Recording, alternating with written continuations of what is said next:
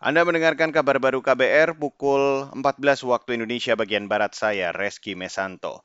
Saudara Kementerian Agama mewajibkan tes antigen terhadap jamaah haji yang kembali ke tanah air. Juru bicara Kementerian Agama Ahmad Fauzin menjelaskan, Semula kebijakan tes antigen dilakukan secara acak per kelompok terbang, kini diberlakukan menyeluruh tanpa terkecuali. Dalam rangka memaksimalkan pengawasan dan mengoptimalkan upaya pencegahan dan pengendalian COVID-19, khususnya terhadap jemaah haji yang kembali ke tanah air sesuai arahan Menteri Kesehatan Republik Indonesia, maka ketentuan pemeriksaan screening antigen COVID-19 yang semula secara acak dilakukan terhadap 10 persen dari jumlah jemaah setiap kelompok terbang menjadi dilakukan terhadap seluruh jemaah haji yang kembali ke Indonesia. Juru bicara Kemenak Ahmad Fauzin menambahkan hari ini sekira 4 ribuan jamaah dari 10 kelompok terbang yang akan pulang ke Indonesia. Sementara itu jumlah jamaah haji sakit dan dirawat hingga saat ini 98 orang.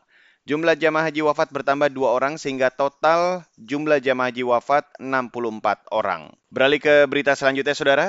Komisi Perlindungan Anak Indonesia atau KPAI hari ini memberikan penghargaan kepada lembaga dan pemerintah daerah yang dinilai peduli perlindungan anak.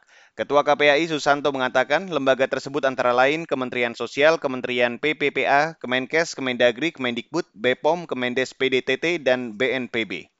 Apalagi kekayaan terbesar suatu bangsa bukan terletak pada sumber daya alam yang melimpah, tetapi sejatinya adalah SDM yang melimpah. Dan SDM yang melimpah akan terlahir dari anak-anak yang terpenuhi hak-haknya dan terlindungi. Sementara itu, Pemda yang menerima penghargaan KPAI karena peduli terhadap perlindungan anak adalah Pemprov Kalsel, Sumut, Riau, Sumber, DKI Jakarta, Jateng, Yogyakarta, Bengkulu, Kepri, dan Aceh.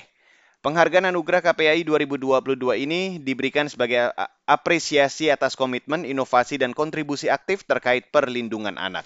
Saudara KPK mendalami aliran uang yang diterima tersangka bekas Bupati Banjarnegara Budi Sarwono. Aliran uang itu diduga melalui beberapa orang kepercayaan Budi untuk membeli sejumlah aset. Pendalaman dilakukan KPK dengan memeriksa sembilan saksi di Makobrimob Purwokerto, Banyumas, Jawa Tengah. Juru bicara KPK Ali Fikri menyebut, di antara sembilan saksi yang diperiksa adalah Wakil Bupati Banyumas, Sadewo Tri Lastiono, dan bekas Bupati Semarang, Munjirin Engkun Suparma Direjo. Sebelumnya, KPK menetapkan Budi Sarwono sebagai tersangka korupsi terkait pengadaan barang dan jasa di Pemkat Banjarnegara tahun 2019-2021, serta penerimaan gratifikasi.